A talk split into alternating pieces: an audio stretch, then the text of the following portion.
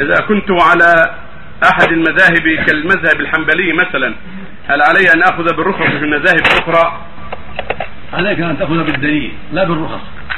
بعض السلف من تتبع الرخص تذنب كل مذهب يكون فيه بعض الاغلاط بعض الأخطاء من بعض أتباعه أو من الإمام الذي هو منسوب إليه الذي له غلط في بعض الروايات قد خفي عليه بعض الأحاديث. طالب العلم لا يتبع الرخص فإذا كان المسألة خلاف وليست مسألة إجماع. فإن هناك مسائل فيها خلاف بين أهل العلم. فطالب العلم يتحرى الدليل. ينظر في أقرب القولين للدليل أو الأقوال للدليل وياخذ بما قام عليه الدليل. لا بالتتبع الرخص